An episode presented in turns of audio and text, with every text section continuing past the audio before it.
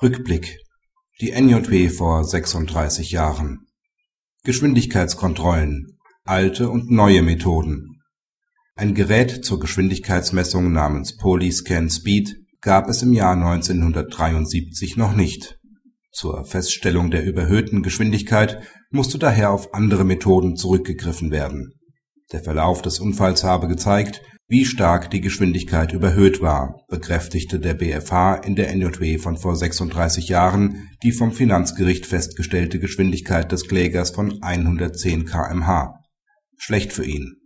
Der aufnehmende Polizist hatte auf der Strecke (Autobahn, Glatteis, Dunkelheit) nur eine Geschwindigkeit von 50 bis 60 km/h für angemessen gehalten bei dieser Sachlage bestehe kein Zweifel, dass die private Verursachung des Unfalls den dienstlichen Anlass der Fahrt eindeutig überlagere, so der BfH (NJW 1974, Seite 1159). Daher sei für die steuerliche Berücksichtigung der Unfallkosten als Werbekosten kein Raum. Das Polyscan Speed hat dafür ganz andere Probleme gebracht.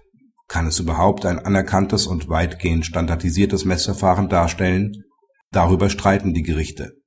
Offen lassen konnte diese Frage das OLG Karlsruhe (NJW 2010, Seite 1827) im Leitsatz. Nach Auffassung des Gerichts war im konkreten Fall die Messung innerhalb der vorgegebenen Toleranzen nicht zu beanstanden, denn das Fahrzeug des Betroffenen sei das einzig in Betracht kommende Fahrzeug gewesen